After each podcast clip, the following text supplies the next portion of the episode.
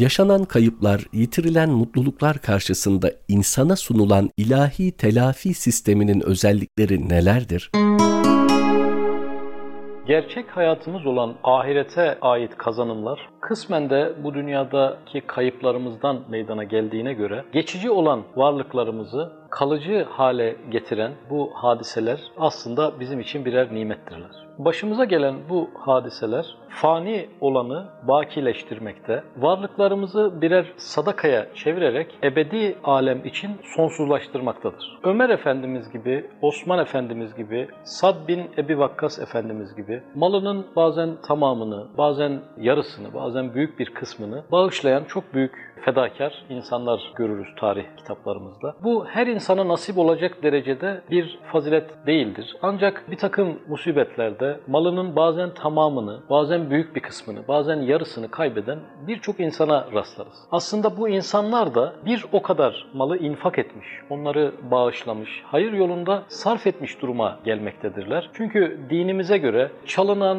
gasp edilen, yanan, kaybolan bütün mallar sadakadır. Dolayısıyla kendi irademiz haricinde gerçekleşen bu hadiselere aslında geçici olanı kalıcı hale getirme, fani olanı bakileştirme ve aslında sadaka olmayan bir mülkiyeti sadaka haline getirme, dünyevi olanı uhrevileştirme anlamına gelen bir durumla karşı karşıyayızdır. Dolayısıyla kaybedilen bir durum değil, kazanılan bir durum söz konusudur. Zaman olur Rabbimiz bu yitirdiğimiz imkanları ahiret için bakileştirmekle kalmaz. Aynı zamanda Hz. Mevlana'nın söylediği gibi ayağın kırıldıysa Allah belki sana kanat lütfedecek mantığıyla söyleyecek olursak o kaybedilen imkanları aynı zamanda dünyada da daha evlasıyla bir başka dönemde kuluna iade eder. Böylece hem dünyada hem ahirette insan kazançlı çıkmış olur. Verdiği şeyleri kulundan geri almak, Rabbimizin cömertliğine ve yüceliğine uyuşmayacağı için, yakışmayacağı için aslında insandan o her ne alırsa ya bu dünyada daha iyisini vermek veya ahirette daha kalıcı olanını, daha ebedi olanını vermek, bereketlendirmek ve çoğaltmak için almış olabilir. Dolayısıyla kaybedilen her şeyin içerisinde, her durum çerçevesinde sevinilecek çok önemli bir taraf vardır. Hiçbir acı bu manada boşa gitmez. Her kayıp mutlaka kazanca dönüşür. Ancak insanın durumu elinden oyuncağı alınan ve bu oyuncağa karşılık onun gerçeğinin verilmesine üzülüp ağlayan çocuğun durumu gibidir. Elimizdeki oyuncağın alınmasından başka bir şey değildir. Dünyadaki bütün imkanlar ve varidatlar. Elimizden kaçırdığımız nimetin dünyada bize faydalı olacağının bir garantisi yoktur. Fakat onun kaybedilmesiyle gelecekte bize faydalı ve hayırlı olacağı ilahi teminat altındadır. Dolayısıyla burada mutlak bir kazanç fakat olasılık dahilinde bir zarar söz konusudur. Mutlak bir kazanç her zaman ihtimal çerçevesindeki bir zarardan çok daha sevindiricidir. İşte bu sebeple varlığı ve faydası şüpheli bir nimeti kaybedip katkısı ve kazancı muhakkak olan bir şeyi kazanmak oldukça karlı ve büyük bir alışveriştir. Bu çerçevedeki mantığı izah sadedinde bir hadiseyi siyer kitaplarında görüyoruz. Bir kurban bayramı günü Hz. Ayşe validemiz kesilip dağıtılan etlerden bahsederek Ya Resulallah bize bu parça kaldı diyerek kurbanın bir kısmını işaret eder. Resulullah Efendimiz hayır ya Ayşe dağıttıklarımız bize kaldı ve onlar bakileşti manasında bir ifadede bulunurlar. Bu şekilde aslında yaşadığımız hadiselerde kaybettiğimiz bütün her şeyin hükmü de budur. Yitirdiğimiz, elimizden uçup giden, hayatımızda durduramadığımız her şey kazanca dönüşmüştür, bakileşmiştir ve sonsuzlaşmıştır. Elimizdeki nimetler konusunda böyle bir ilahi teminat ve bir garanti söz konusu değildir. Yaşanan musibetler için çoğu zaman geçerli olan bir ilahi kanun velel ahireti hayrun leke minel ula senin için son başlangıçtan daha hayırlıdır. Bu ayet bize aslında yaşadığımız olayın sonucunun, olayın kendisinden bize her zaman daha hayırlı olacağının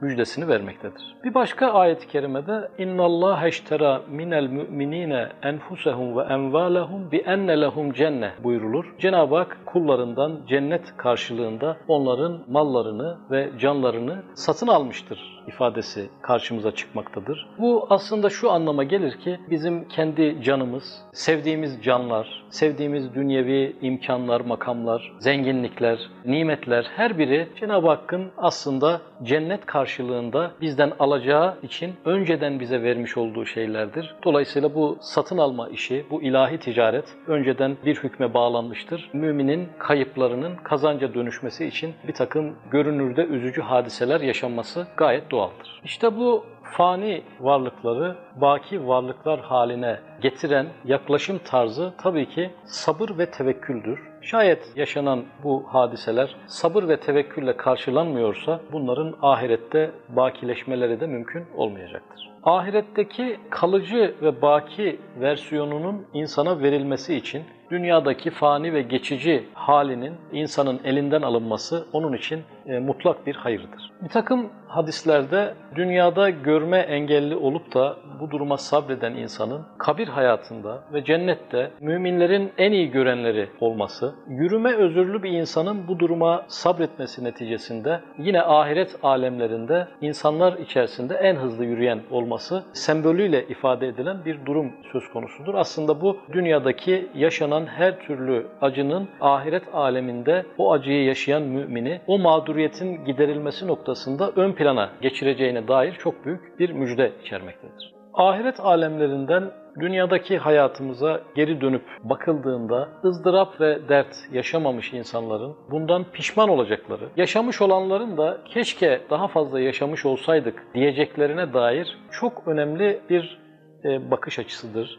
E, dolayısıyla gelecekte bugün üzüldüğümüz hadisenin daha fazlasını keşke çekmiş olsaydık diyeceğimiz bir durumla karşı karşıya kalmamız kuvvetle muhtemeldir.